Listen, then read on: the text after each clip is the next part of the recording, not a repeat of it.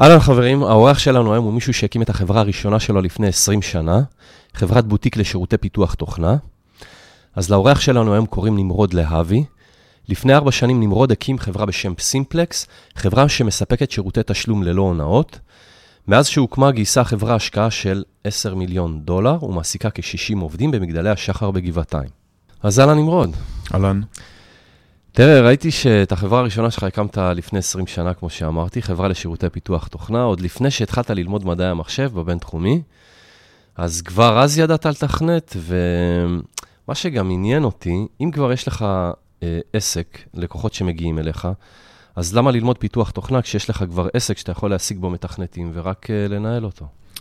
אז אה, סיפור אה, קצת ארוך, האמת. אה, כן. הגעתי לתוכנה קצת בטעות. התחלתי, למדתי שנה ראשונה בטכניון הנדסת מכונות, אה, כי לא ידעתי מה אני רוצה לעשות כשאני אהיה גדול, והקורס היחיד שגיליתי שאני אוהב היה לתכנת ב-C. אה, תוך כדי אשתי עתודאית, היינו צריכים לעבור למרכז, אה, אז אמרתי כבר, נעבור לבינתחומי ונלמד הנדסת מחשבים, ובחופש בין השנים, זה היה 97, זה היה זמן טוב לדעת לתכנת אפילו קצת. אה, אחי, שבאותו זמן היה בלימודי רפואה, אמר, בוא, בוא נבנה אתרים. אז uh, קניתי מחשב, למדתי לתכנת, ו... והתחלתי לבנות אתרים. הסיבה לעשות תואר, uh, לא יודע, אין, אין איזה חשיבה נורא רציונלית, אבל אתה יודע, תחילת החיים, אתה לא כל כך יודע מה אתה רוצה לעשות. אתה אומר, בוא נלמד, נראה, גם לא הייתי בטוח שאני הולך להיות עצמאי. אפילו עבדתי ארבעה ימים שלמים באמדוקס בתחילת התואר. אה, הבנתי די מהר שזה לא, לא מתאים לי. אה, אז התחלתי כפרילנסר, אחרי זה גייסתי עובדים נוספים, בשיא הגודל היו אצלי איזה 20 מתכנתים על הפיירול. אה, עשינו הרבה דברים מאוד מעניינים. איך הגעת ללקוחות? זה היה די, שוב, זו הייתה תקופה די קלה, כולם רצו. כולם כן. רצו לפתח אתרים, לפתח מערכות. אז פשוט היו מגיעים אליך. היו מגיעים, הייתי מסתובב קצת, התחלתי להסתובב קצת בסצנת ההייטק דאז, שהייתה... עדיין היא די קטנה בסך הכל, אז אתה נכנס פנימה, אז אתה מכיר די את כולם. כן. ידעו שאני, אה, שאנחנו טובים, שאנחנו עיקרים, שאנחנו מדלברים, אז אה, זהו, אז עשיתי את זה תכלס 15 שנה בערך. והיום אתה כבר לא עושה את זה? לא, לא, הפסקתי עם זה לגמרי. הבעיה העיקרית, בוא נגיד שתי בעיות עיקריות. זה, זה עבד מאוד יפה עם ה-ADD שלי, כל כמה חודשים לעבוד על פרויקט אחר, טכנולוגיה אחרת, סביבה אחרת, שוק אחר, לקוח אחר, אבל הרגיש כאילו אין, אין אימפקט אמיתי על העולם. זאת אומרת, אתה בונה את הפרויקט הכי יפה בעולם, ואז אתה מגיש אותו למישהו והוא הולך ועושה עם זה את השינוי, והרגיש ש... שוב, אחרי כמעט 15 שנה הגעתי למסקנה שזה מספיק לי. כן. אה, היה מעניין, נחמד. שוב, הרבה פלטפורמות, הרבה לקוחות, המון סטארט-אפים, אה, עם הצבא, הומלנד סקיורטי, בנקים. סלולר, בארץ, בעולם, באמת, מכל טוב. אבל uh, הגיע הזמן לעשות משהו ש, שאני מרגיש שבאמת משנה את העולם קצת יותר.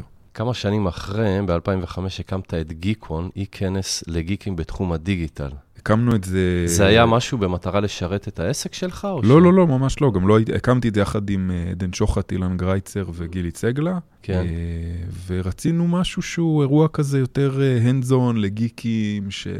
כולם רוצים uh, לעשות בגדול, כל המתכנתים רוצים לעשות דברים בחומרה, זה היה כאילו הסוף שבוע בשנה שבו אנחנו עושים באמת פרויקטי חומרה, כל הרעיונות השטותיים האלה שיש לנו בראש כל השנה ואין לנו זמן, אז זה היה אמור להיות הזמן שבו אנחנו באמת uh, מבצעים אותם. וקורים שם דברים די מדהימים.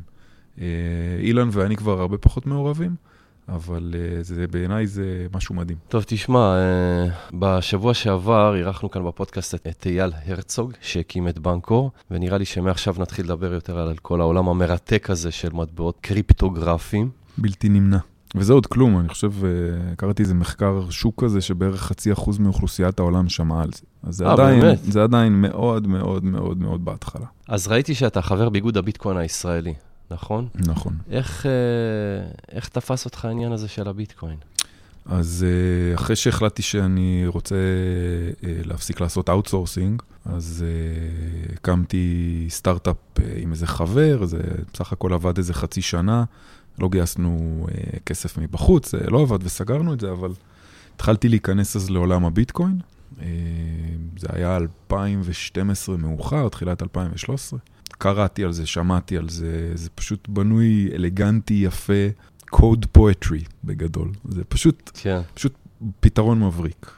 ולדעתי, כבר אז אה, חשבתי שהוא יכול לעשות המון אימפקט על הרבה דברים בעולם, על תעשיות פיננסיות שלא עברו שום שינוי במשך מאות שנים, כי אין שום, אין שום דרך להשפיע עליהם בעצם, אתה יודע, למי שהוא לא חלק מהם. ויש שם כל כך הרבה כסף שקשה להשפיע עליהם גם מבפנים. אז היה נראה לי מאוד מאוד דיסרפטיב, uh, וכשהסטארט-אפ הקצר המועד uh, נסגר, אז בערך יום אחרי זה התחלתי כבר לעבוד על מה שלימים גדל להיות סימפלקס, היה לי איזה עשרה רעיונות למה צריך לקרות פה.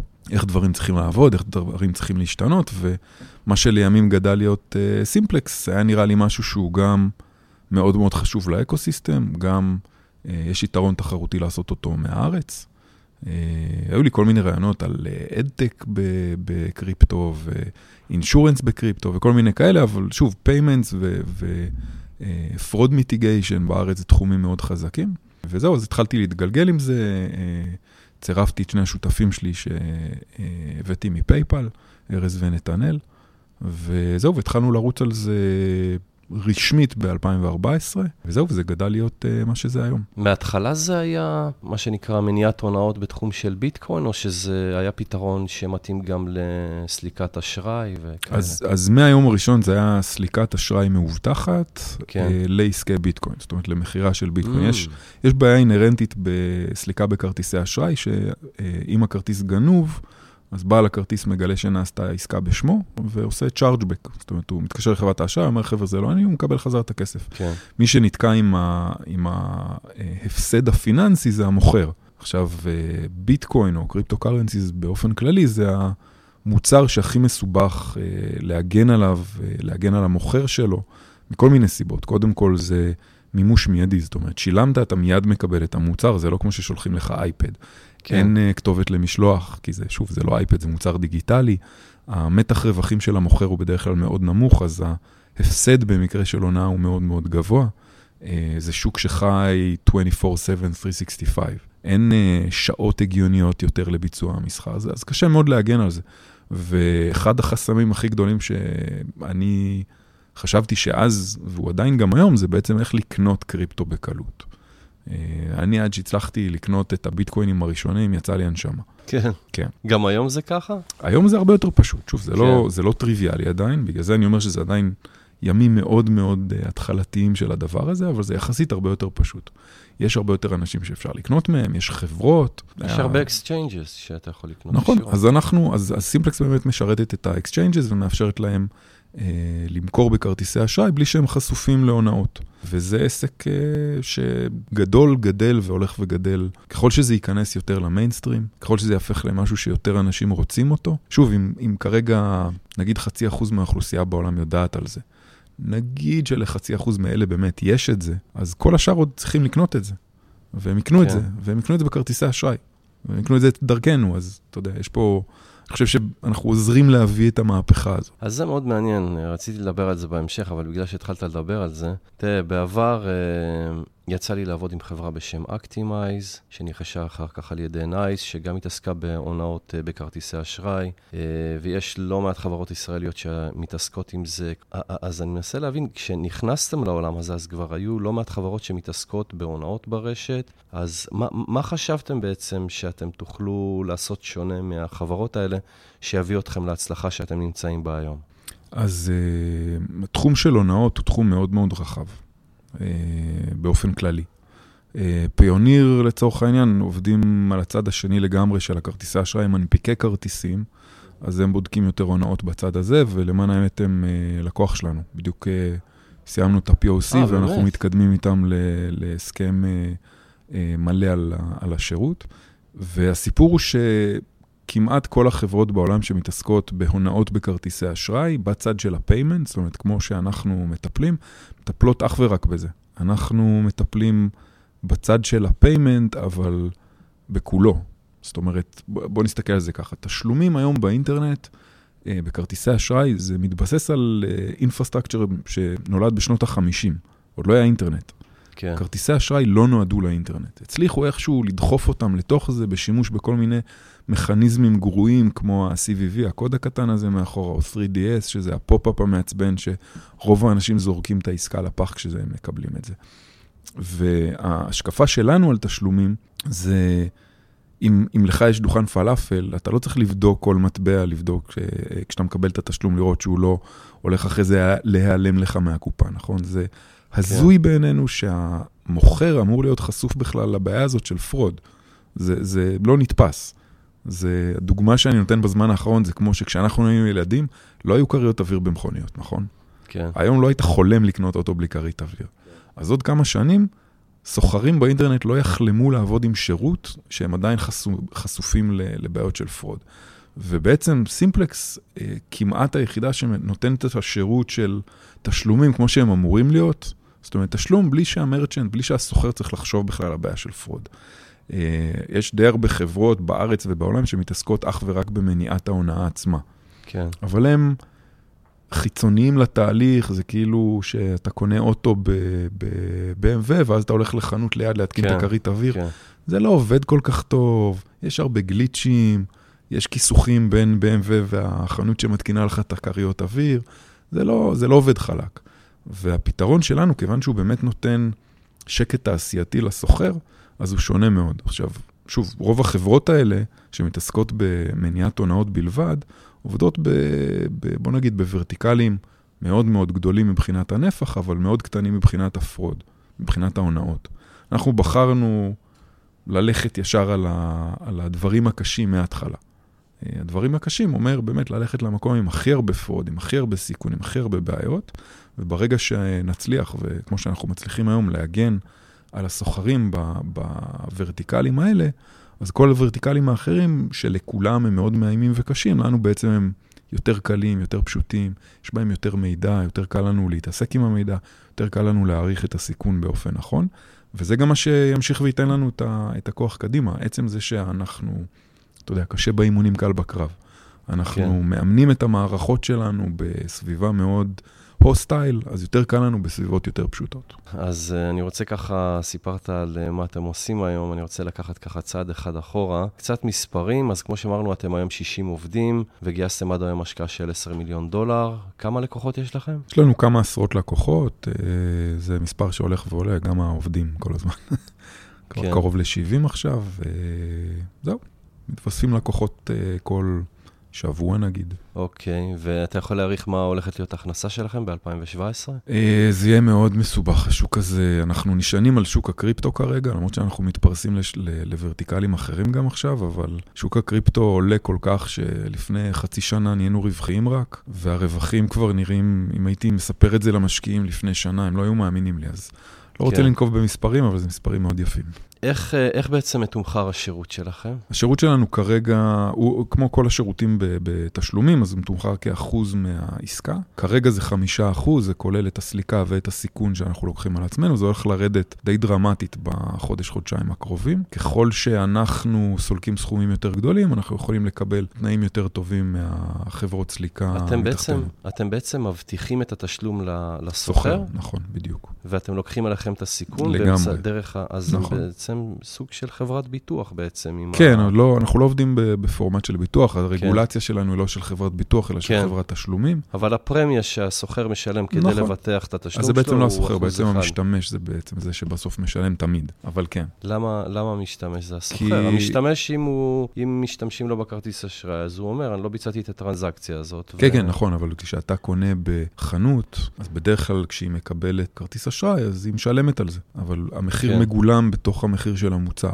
אז יוצא גם פה שבעצם המחיר שאתה משלם, מעמיסים עליו את העמלה של השירות. בעיקר שזה נכס פיננסי, הרווח על ה spread אצלם הוא בדרך כלל מאוד קטן.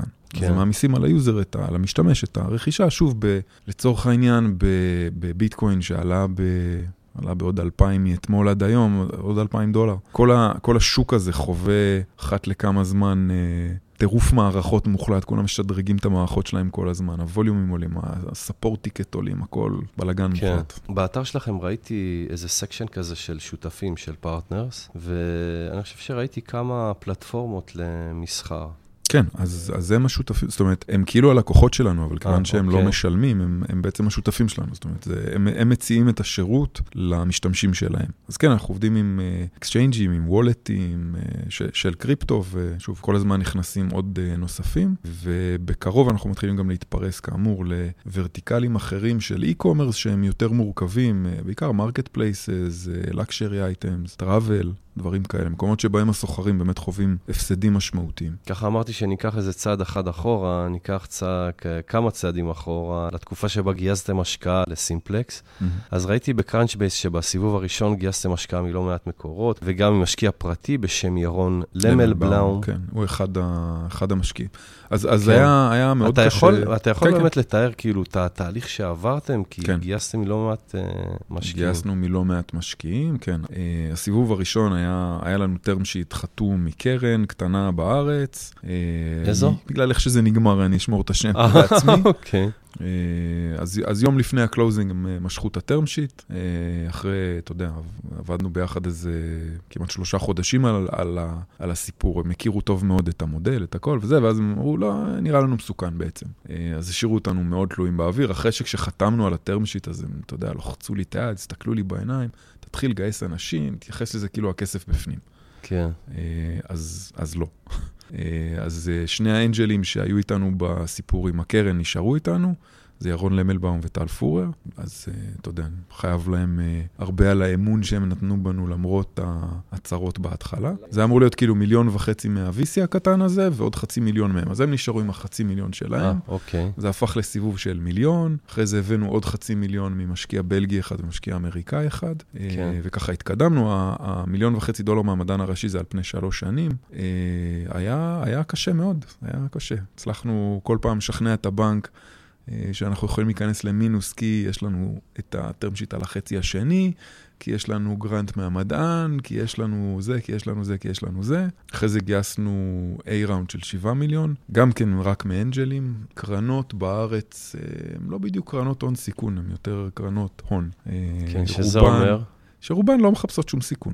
זאת אומרת, אם אני בא כן. עם מיזם שמדבר על תשלומים, על ביטקוין, השם ישמור, דורש רגולציה, רובם לא, כולם מתעניינים מאוד לשמוע, רוצים להוסיף אה, עוד חברה שהם דיברו עליה בזה, אבל אה, לא היה שום אה, מוכנות באמת אה, להשקיע בתחומים האלה, מעטים כן. אפשר... א', אה, א', נגיד כן, אבל עדן כן. הוא חבר יותר מדי טוב שלי בשביל שניקח אוקיי. ממנו כסף. כן, זהו. שנינו workaholics, זה לא היה עובד טוב. אוקיי. אה, אבל... אתה חושב שיש גם איזה עניין שקרנות קצת חוששות מכל העולם הזה של ה crypto-curren? currency, כי זה יכול uh, להוות עליהם איום מבחינת גיוסי השקעות? לא, זה המודל הזה של ICO, שאפשר לדבר עליו קצת, הוא, בוא נגיד, בתור כאילו מיינסטרים, הוא חדש. היו כבר כאלה על Mastercoin, לפני, ב-2014 עוד היה גיוס, היה פלטפורמה, פלטפורמה שקראו לה Mastercoin. כן. שמעליה היה גיוס אחד של חברה שקראו לה MaidSafe, שאז גייסו 8 מיליון דולר בכמה ימים, זה היה כאילו unheard of באמת ברמת ה... ברמה של מה שהיה אז. עכשיו אולי קרנות מתחילות להבין את זה, אבל אתה יודע, זה כמו שהבנקים מתחילים להבין שבלוקצ'יין טכנולוגי זה בעיה מבחינתם. אבל הדרך שלהם זה לא לנסות לסגור את זה, אלא לנסות להיכנס לתחום. אז קרנות כן. היו אמורות להיכנס לתחום, להבין, להבין שזה חלק, שזה זה קורה. זה כאילו, אחרת אתה נהפך ל Kodak. כן. פשוט מתעלם, מתעלם מקיומם של מצלמות דיגיטליות עד שאתה פושט רגל. כן. אז כן, אני חושב ש... שוב, אני חושב שרוב הקרנות בארץ הן מנוהלות באופן מאוד מאוד שמרני, מרוב, מאוד מאוד uh, followers. אבל שוב, זה הניסיון הפרטי שלי. לפני כמה חודשים התראיין יזם בשם דודו רינג, כן, שהקים ביחד את איטורו, אחרי זה את קולו יחד עם עמוס. לא יודע אם עדן ספציפית, אבל... א' שמו שם כסף. א' שמו שם כסף, כן. אז כן נכנסים לזה.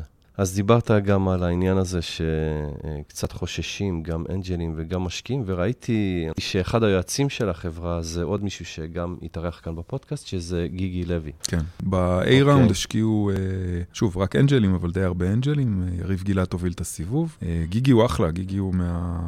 יותר עוזרים מבין המשקיעים כשהוא כן, יכול. אז בדיוק על זה רציתי לשאול אותך. איך נניח מישהו כמו גיגי יכול לעזור? כי אני מאמין שכשמישהו מגייס השקעה, אז הוא רוצה, אתה יודע, מה שנקרא כסף חכם. אז איך uh, מישהו כמו גיגי יכול לעזור, למשל? תראה, בסופו של דבר זה, שוב, השקפתי קצת uh, אולי זאב בודד, אבל אף אחד לא יעשה את העבודה בשבילך. ברור. אז uh, מספיק שעוזר בעצה, עוזר בכיוון, אפשר, uh, מישהו שאפשר לזרוק עליו רעיונות, uh, לשמוע את הדעה. כן. Uh, כן, זה, אני מאוד אוהב לנהל דיונים עם גיגי. יש לו דעות מאוד מאוד חותכות על דברים. גם אם הן לא כן. נכונות, הן חותכות. אפשר, לא, באמת, אפשר לנהל שיחה כאילו כן. אינטליגנטית. זה עם, אה, כיף שיש סביב השולחן גם אה, מישהו שהוא מאוד דעתן. אה, כן, אני יותר בדרך כלל. אה, כן? כן, אני, אני אחד החזקים בלהיות דעתנים. אבל לא, אני חושב ששוב, כל אנג'ל ש, שהצטרף, הרבה ניסו לעזור. זה, זה באמת תחומים מאוד קשים, התחומים האלה של, של תשלומים, רגולציה, בנקים, קריפטו, זה תחומים מאוד מאוד קשים. הלכנו, אתה יודע, אני מושבניק, אני שריונר, הלכתי הכי ראש קשה שיש. אבל זה, הנה, עכשיו זה pays off. אני חושב שכולם אה, כן. מבסוטים. אוקיי, אז ככה אני אקח איזה צעד אחד קדימה. מתישהו הגעתם ללקוחות, ואז הצעתם כן. להם אה, בקונסטלציה כזו או אחרת, והצלחתם למכור. אתה זוכר את הלקוח הגדול הראשון שלכם, שמשם, אה, וואי, איזה רפרנס טוב? לא ממש, לא, זאת אומרת, לא היה מישהו אחד ספציפי שהוא היה רפרנס, זה כזה, כל, כל, הזמן התייחסו ל, לכרטיסי אשראי, לקריפטו, בתור ההולי גרייל של התעשייה. אז כל מי שדיברנו איתו מאוד התעניין, חלק חששו מהמחיר, חלק חששו מה-experience, חלק ממש נבנו איתנו, זאת אומרת, התחילו לגדול בגלל שפתאום היה להם כרטיסי אשראי. קשה לי להגיד איזה נקודת מפנה ספציפית, זה יותר... אה, כולם מסתכלים על זה שכאילו ביטקוין עבד פתאום נורא מהר מלפני איזה חצי שנה, אז מבחינתי הוא, הוא בשנה איחור ממה שהוא היה אמור. אני ציפיתי שזה יבוא הרבה יותר קודם, כבר היינו די ב, ב, בדאון, לא, לא היינו בטוחים כבר אם זה באמת בחרנו כיוון נכון או לא נכון. ואז פתאום זה, ב, אני חושב שזה היה במרץ או אפריל, זה פתאום התחיל להתפוצץ, כן. אז באמת הכל התחיל לעלות ב... לא יודע, אני חושב שביטקוין היה אז אזור 400, 500, לא יודע, 700, משהו כזה. אז כן, אז פתאום זה קיבל יותר עניין, התחילו ICO, Ethereum עלה, יש לי, טוב, כן. יש לי כמה תיאוריות לגבי למה הם מושכים אחד את השני למעלה. דרך אגב, הזכרת את העניין של הפריצה לארנקים. זה גם משהו שאתם מתעסקים בו? לא, סימפלקס מתעסקת אך ורק אה, במטבעות לא קריפטו, לצורך העניין, פיאט. סימפלקס אה, מעבירה דולרים, יורו, פאונד מ- מהכרטיס אשראי לחשבון בנק. אנחנו ככה גם זכינו, לר... זכינו, ככה גם הצלחנו לעבור בהצלחה את התהליך של הרגולציה, ואנחנו מרושיינים באירופה כחברת תשלומים. ואתה חושב שיש הזדמנות בעניין הזה של הפריצת ארנקים? כי אני שומע על זה יותר ויותר. אני חושב שיש ב... יש פה אינסוף הזדמנויות. תחשוב על זה, זה כמו שמתחיל האינטרנט. אין, אין, כן. אין פה כלום, אין אינפרסטרקצ'ר, אין מודלים, הכל פתוח, אין מודלים עסקיים, זאת אומרת, יש, אבל יש עוד המון שצריך לגלות. צריך כן. להבין איך עושים פה אבטחה, צריך להבין איך, אתה צריך להבין איך אתה מביא את זה עכשיו לעוד 99.5% מהעולם שיכירו את זה, ול-100% מהעולם שיהיה להם את זה. כן, יש פה אינסוף הזדמנויות. כל כיוון שאני מסתכל עליו יש הזדמנות. הרי בסופו של דבר, וזה מתחבר למה שאמרת קודם לגבי ה-VCs, שהמטרה שלהם זה לא לקחת סיכון. אז בעצם, כשאתם באים עם פתרון כזה, ואומרים שאתם מעבירים אליכם את הסיכון עם הטכנולוגיה שאתם מאוד מאמינים בה, אבל uh, אתם כן מעבירים אליכם את הסיכון, ואיך גיגי אמר פעם, המטרה שלי זה לנהל סיכונים, זה התפקיד שלי. יש לי כסף, אני צריך לנהל את הסיכונים. מן הסתם, VCs שרוצים לנהל את הסיכונים, לא ייקחו את כל הסיכון uh, על עצמם.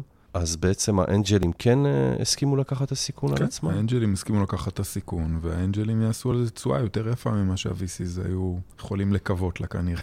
אה, אוקיי. אז, אז העניין אה, פה בתשואה, אז אה, הם כן, בעצם- לא, זאת אומרת, שוב, אני חושב, אה, אתה יודע, בלי להיכנס למספרים אה, בדיוק, אני חושב שזה בדיוק התשואות שמכוונים אליהם ב-VCs, אבל הם, אם הם לא השכילו להיכנס, אז טאף קוקי. והיו כאלה שהיה להם את ההזדמנות. לא יודע, אני חושב שזה מודל קצת מוגבל, המודל של VC. אה, לא, לא יודע, בעיניי זה נראה טיפה מוזר אפילו שהמדען הראשי, שזה מוסד ממשלתי, מזהה פוטנציאל וטכנולוגיה ועושה, שוב, קיבלנו שלוש שנים רצוף את הגרנד, שזה הכי הרבה שאפשר. כן. כאילו פעם אחרי פעם, אז, אז כאילו, לא יודע, אני חושב ש... טוב, עזוב, תעשיית ההון סיכון יודעת שהיא צריכה לעשות בדק בית כבר שנים אה, עם התשואות שלהם, אבל אה, שוב, אני גם לא, אני לא חושב שאני אי פעם אהיה... פעם היו שואלים אותי, כאילו, מה, ואם יהיה לך הזדמנות, לא תרצה להיות VC, אז התשובה היא לא, חד וחלק. לא? לא. אני בילדר, יש, אתה יודע, אם יש את כן. הארכיטייפים של אנשים, יש את, ה, אתה יודע, את המורה ואת המשקיע ואת הבונה ואת ה... לא יודע, את הסוחר, אז, אז אני, אני builder. טוב, יש הרבה כאלה שעשו אה, אקזיט אחד או שניים בחיים שלהם, ואחר כך הלכו להיות אה, בצד של כן, המשקיע. אני לא מבין את זה. אני, זה לא, לא. אני. לא. אתה יותר בקטע של העשייה ולא לגמרי. ניהול סיכונים. לא, אנחנו מנהלים פה סיכונים כל הזמן. באמת, כן. אתה יודע, זו חברה שמושתתת על ניהול סיכונים. כולנו פה stalker ים, אתה יודע, כל אימייל שאני מקבל ממישהו, אני חוקר את, ה... חוקר את הבן אדם ואני יודע עליו המון, אבל אתה יודע, גם מנהלים סיכונים כל הזמן לחברה, אבל אני לא, אני לא רואה את עצמי הופך למשקיע. זה נראה לי, אתה יודע, אני סומך יותר על עצמי לעשות את הדברים, ויש לי המון רעיונות, אז אתה יודע, אפשר לעשות עוד דברים פשוט. לא דיברת כל כך על ה... על איפה הכרת את השותפים שלך? אז את השותפים, הם היו עובדי PayPal, הכיר לי אותם, אה, אפילו לא, לא זוכר מי, לא, לא זוכר, בטח חברים משותפים שעבדו ב PayPal. כן. וזהו, יותר, הכרנו לצורך זה, זאת אומרת, שכנעתי אותם פשוט אה, עם, ה, עם הברק בעיניים, שכנעתי אותם כן. שזה הולך להיות אה, מדהים ומפלצתי ו-bigger than sliced bread, אז זהו, זה עבד לא רע. אני חושב שגם הם מבסוטים. כן, אה, לא יצא לכם לעבוד אה, ביחד, זאת אומרת, הכירו ביניכם. לא, לא, הכירו בינינו, הם אה, גם צעירים ממני בעשור. ולא היה לך חשש, כאילו, עם מי אתה הולך? זאת אומרת, דרך היכרות אישית? לא, אני בגדול בן אדם שמסתדר עם אנשים. אה, אוקיי. כן, לא, אני חושב, תראה... שמחת על עצמך בעצם. כן, תראה, אני חושב שבכלל, הדרך שבה אנחנו מנסים לעבוד פה זה פשוט, תביא אנשים טובים, תן חזון מספיק גדול ותן לעבוד. זה... כן, אני אגיד לך למה אני שואל, כי הרבה פעמים כשאני מדבר עם יזמים, והם צריכים מישהו טכנולוגי שיעבוד איתם, או מישהו עסקי, אז יש להם את החששות האלה שהם לא יודעים מי זה הבן אדם הזה, או אפילו עם משקיעים. אה, דניאל כהן מוויולה ונצ'רס אמר שכש... או, או גם משקיעים אחרים אמרו שאחד הדברים שיזמים צריכים לשים לב אליהם, זה מי המשקיע, לעשות איזה דיו דיליג'נס על המשקיע, כי בסופו של דבר הוא יושב בבורד ויכול לעשות קצת אה, כן, צרות. זו אמירה של משקיעים, אבל אתה יודע למה? אה, כן? כן, כי הם, אה, הם לא זכלו ב... 100 פגישות שב-99 מהם אמרו להם, לך מפה. אז, אה, אז אתה בסוף אתה לוקח משקיעים מאיפה שיש לך כסף. זה, כן. זה נכון שיש את ה... אתה יודע, זה כמו ילדים של אחרים. אז בסטארט-אפים של אחרים, כן, אתה בוחר את המשקיעים שלך בסיד בפינצטה, מתוך המאה שמתדפקים על דלתך. אני לא מכיר אישית מישהו שזה קרה לו. יש כאלה את הסיפורים האלה בוואלי, אתה יודע, של זה כן. שיצא מ... מהאנג'ינירינג בגוגל, וכולם רק רוצים להשקיע אצלו. אז ברור שאופטימלית אתה היית רוצה לבחור את המשקיעים, ו- ולי, ויצא לנו, באמת, יצא לנו, לא יכול לצאת יותר טוב אה, מאשר אה, עם יריב גילת, אבל כאילו באמת, נהיינו, הוא הצ'רמן של החברה, ואנחנו מדברים שלוש פעמים ביום. אני לא אפרט עליו כי הוא לא אוהב שמדברים עליו. אבל אני חושב, שוב, בקטע של לבחור שותפים, אז ברור שזה יופי כשיש לך, אבל לנו פשוט יצא, אתה יודע, יצא מעולה, אנחנו ביחסים מעולים. כן. כל אורך הדרך, גם, ב, גם כשטוב, גם כשרע, והיה מספיק רע. אה, אבל אנחנו סומכים אחד על השני באלף אחוז, ומאמינים אחד בש... ביכולות של השני באלף אחוז. וגם, אתה יודע, ריפיטדלי מוכיחים אחד לשני שאנחנו מצליחים לעשות מה שאמרנו, זה, אז, אז באמת, אני סומך עליהם אינקוויביקלי בכל דבר שהם עושים. מקווה שהם סומכים גם עליי מספיק. כן. נראה כאילו, כן. אתה יכול לתת דוגמה למשהו שעברתם, משהו מאוד מאוד קשה שעברתם ויצאתם ממנו? תראה, בגדול נגמר לנו הכסף שלוש פעמים. אה, פעם אחת בין החצי מיליון הראשון לשני, ואז הראינו לבנק את המסמך מהמדען, אז הם הסכימו לנו להיכנס למינוס, ואז קיבלנו את הכסף, ואז אה, נגמר לנו הכסף מהמדען עד לחצי מיליון השני. ואז עוד פעם הראינו לבנק, ועוד פעם זה, זה כן, זה, ו, וכשאתה יודע, לא ידענו מה הולך לקרות עם החברה, כי זה לא, שוק הקריפטו לא זז מספיק מהר, ו, והיו לנו, שוב, זו חברה heavily regulated, אז כל התעסקות עם בנק היא מאוד מאוד קריטית, אז אתה יודע, פתאום סוגרים לך פתאום את החשבון בנק. זה משהו שעסקים רגילים שלא מתעסקים ב payments לא מבינים בכלל, כי כולם רגילים שבנק זה, אתה הלקוח של הבנק והבנק רק רודף אחריך, אז בעסקי ה... בפינטק זה הפוך, אתה רודף אחרי הבנקים, אתה מדבר עם 20 בנקים עד שאתה מוצא מישהו שמוכן לפתוח לך חשבון, וכשאתה מדבר על ביטקוין בכלל, אה, שלך בהצלחה. אז, אה, אז כן, לא חסרים פה דברים קשים באופן בלתי רגיל, שגם המשקיעים לא תמיד מבינים כמה זה לא טריוויאלי. הבנקים עדיין אה, לא נכנסו לעניין הזה, נכון? תלוי, המחלקות אינוביישן של כולם מתהדרות בנוצות של, כן, בטח שעשינו בלוקצ'יין uh, initiative, אבל בתור זה שמדבר עם ה-compliance officers, לא. compliance officer. שומע ביטקוין והוא מיד uh, מנתק את הטלפון. אז בעצם אתם ככה רצתם ורצתם ורצתם, וכל פעם שהיה איזה אתגר, אז uh, עם הבנקים או uh, עם הביטקוין שלו עלה מספיק, היה איזה משהו מיוחד שעשיתם, או משהו שלמדת מזה, שעזר לכם להתקדם? תראה, אני חושב שכל זמן שיש, בוא, בוא נגיד בין השותפים הזה, אנחנו מדברים על הכל כל הזמן. גם עכשיו אנחנו 70 איש, הקלנדר שלי נראה כמו ריצוף, אבל יש לנו שעה בשבוע ששלושתנו יושבים וסתם קשקשים, אין איזה אג'נדה ברורה. מדברים על, אתה יודע, מתייעצים קצת, אה, קצת צחוקים וזה, ובעיניי זה מאוד חשוב. באופן כללי גם בחברה, אני חושב, אנחנו מאוד שקופים עם העובדים. אה, זה גם מתיישב מאוד עם זה שאתה יודע, תצייר מטרה מספיק גדולה, ותשמור את האנשים ב loop, ותן להם לעבוד, ותביא אנשים טובים. אז, אז בסביבה של micro-management, הם לא יכולים לפרוח, כי הם מרגישים שמקטינים אותם כל הזמן, ובמקום כן. כזה, בעיקר בסטארט-אפ, שיש כל כך הרבה מה לעשות. אז uh, אני חושב שזה מגדל אנשים הרבה יותר איכותיים, זה מושך את האנשים היותר איכותיים. זה נותן להם מקום לגדול ולבטא את עצמם, ואתה יודע, להתווכח איתך על הדברים המהותיים בעיניהם. אז uh, זה מאוד חשוב, ו- ואני מאוד שמח שמההתחלה שמנו מאוד מאוד דגש על, על הצוות ועל איך אנשים uh, מתקשרים פה ואיך אנשים מתנהגים פה, והאווירה פה באמת uh, לא, לא יכולה להיות יותר טובה. שזה כמובן אתגר עכשיו שגדלים, אבל אני חושב שגם את זה אנחנו מצליחים לא רע. היינו לפני שלושה חודשים היינו 42, עכשיו אנחנו כמעט 70. כאילו עברנו למשרדים פה לפני שלושה חודשים, בערך היינו 42, 43.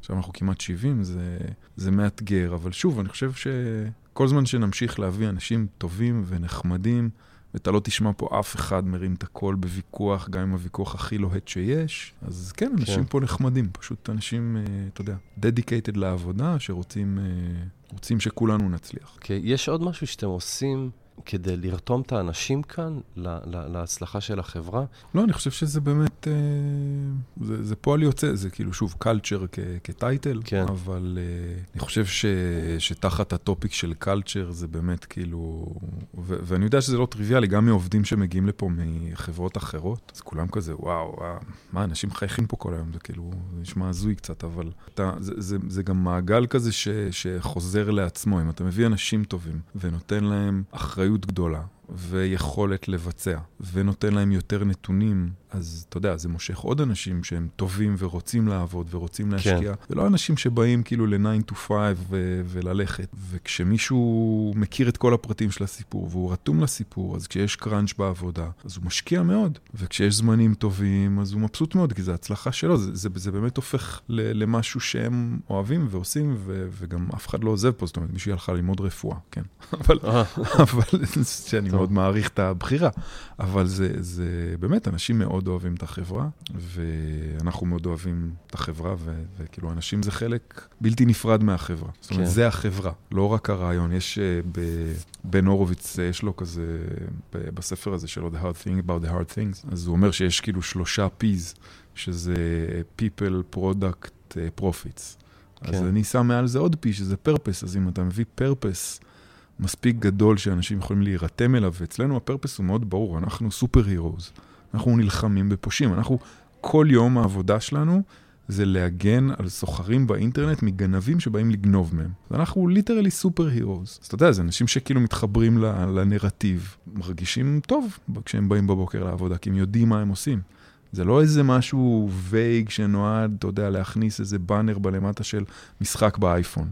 זה כן. משהו, משהו ברור עם, עם משהו שאתה שמח לעמוד מאחוריו. אז uh, מה, מה האתגר הכי גדול שאתם מתמודדים איתו היום? בעצם זה מה שדיברת גדילה. עליו עכשיו? גדילה ביפר. גדילה. הגדילה כן. של הארגון, איך, איך, עכשיו בוא נגיד, יש את הכסף, יש את ההצלחה המסחרית, יש את היכולת, איך עכשיו, אה, איך עכשיו מצמיחים את הארגון ברמת הכוח אדם, ושומרים על ה vibe, שומרים על הערכים, על ה... אתה יודע, בכוונה נמנענו מ... אה, אתה יודע, כל ה-corporate values וכל החרטא הזה. כן. שמעתי את זה, אמר אה, המנכ"ל של סטרייפ אמר, כן. שכשהוא אה, ראה מה היה ה-corporate values של אנרון, אז היה transparency כן. וכאלה, אתה יודע, כן, אונסטי. אז, אז אני לא רוצה לעשות, אתה יודע, מילים כזה מודפסות על הקיר בכניסה, זה אידיוטי. כן. אבל אה, אני חושב שמאוד ברור כבר מה, מה, זה, מה זה סימפלקס לאנשים. וככל שאנחנו מצליחים להטמיע את זה באנשים, אז אנשים שהם חדשים נכנסים לזה, they fall in line הרבה יותר בקלות. אה, אבל כן, זה אתגר, ו- ושוב, כל האתגרים הרגילים של סטארט-אפים ישראלים, שכמו כולם אנחנו חוטאים בהם, אנחנו טכנולוגים by nature, כן. אנחנו צריכים לחזק את ה product, אנחנו צריכים לחזק את ה sales, את ה marketing, זה דברים שבארץ פשוט, אתה יודע, כל המיטאפים בסופו של דבר זה על טכנולוגיה. כן. אה, והדברים האלה, כשאתה יוצא החוצה וצריך ל... ל- למצוא את מקומך בעולם בין ארגונים גדולים אה, אז כן, אתה צריך אה, ארגון sales חזק, marketing חזק, product חזק, הכל. הכל צריך להיות חזק. אוקיי, נמרוד, אנחנו מתקרבים לסיום, והשאלה האחרונה שרציתי לשאול אותך, אז גם עם החברה הראשונה שהקמת, וגם עם איזה חברה שהקמת בדרך ושלא הרחבנו עליה כל כך, ולא התקדמה, ועם סימפלקס, עם החברה באמת לתפארת שהקמת כאן, יש משהו שבראייה לאחור אתה חושב שהיית עושה שונה? תראה, בגדול יש הרבה דברים קטנים שהייתי עושה שונה, זה נכון לגבי כל החיים, אבל כמו, כמו בחיים, אם בסופו של דבר אני מבסוט מהמקום בו אני נמצא כרגע, כן. אז כנראה שלא הייתי רוצה, אתה יודע, לשחק עם ה time machine יותר כן. מדי.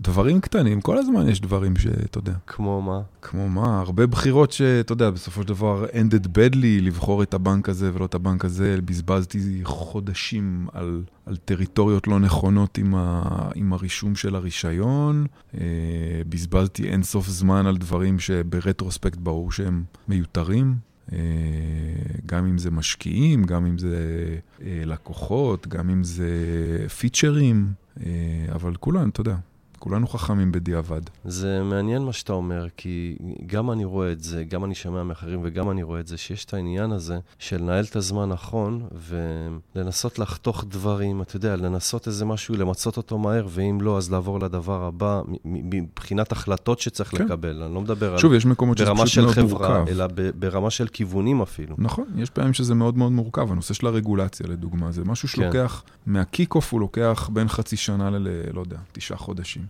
אז עד שאתה מבין שטעית, רק התחלת עם ה setup כבר, נשפכו לך עשרות אלפי דולרים.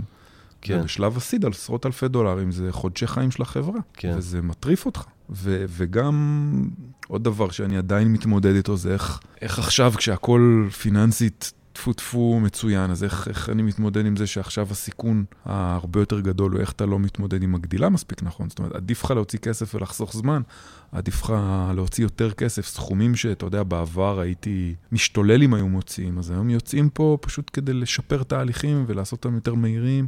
ופחות אכפת לך אם היום נשרף לך 100 אלף דולר על משהו, כי היה חשוב לך לבדוק את זה מהר, או על איזה לייסנס שפעם התייחסת אליו בתור משהו צדדי, אז כן, אז היום, בסדר, 100 אלף דולר זה... כן, אתם משחקים יותר לוז. לא, לגמרי, אתה יודע, היום להוציא כאילו, סתם, להוציא על VP Sales חזק עכשיו, להוציא היום 1,000 דולר זה כאילו טריוויאלי מבחינתי. כן. פעם זה היה כאילו סכום, אתה יודע, הייתי הולך לחמש פגישות, רק בשביל לשמוע כן על 50 אלף דולר, אז כאילו...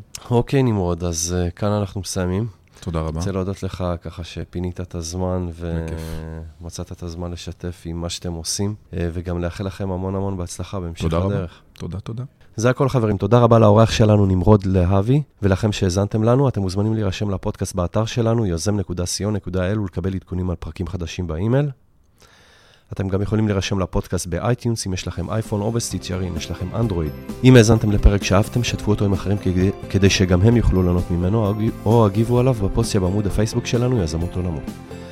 אז זהו, שיהיה לכם המשך שבוע נפלא ולהשתמע בפרק הבא.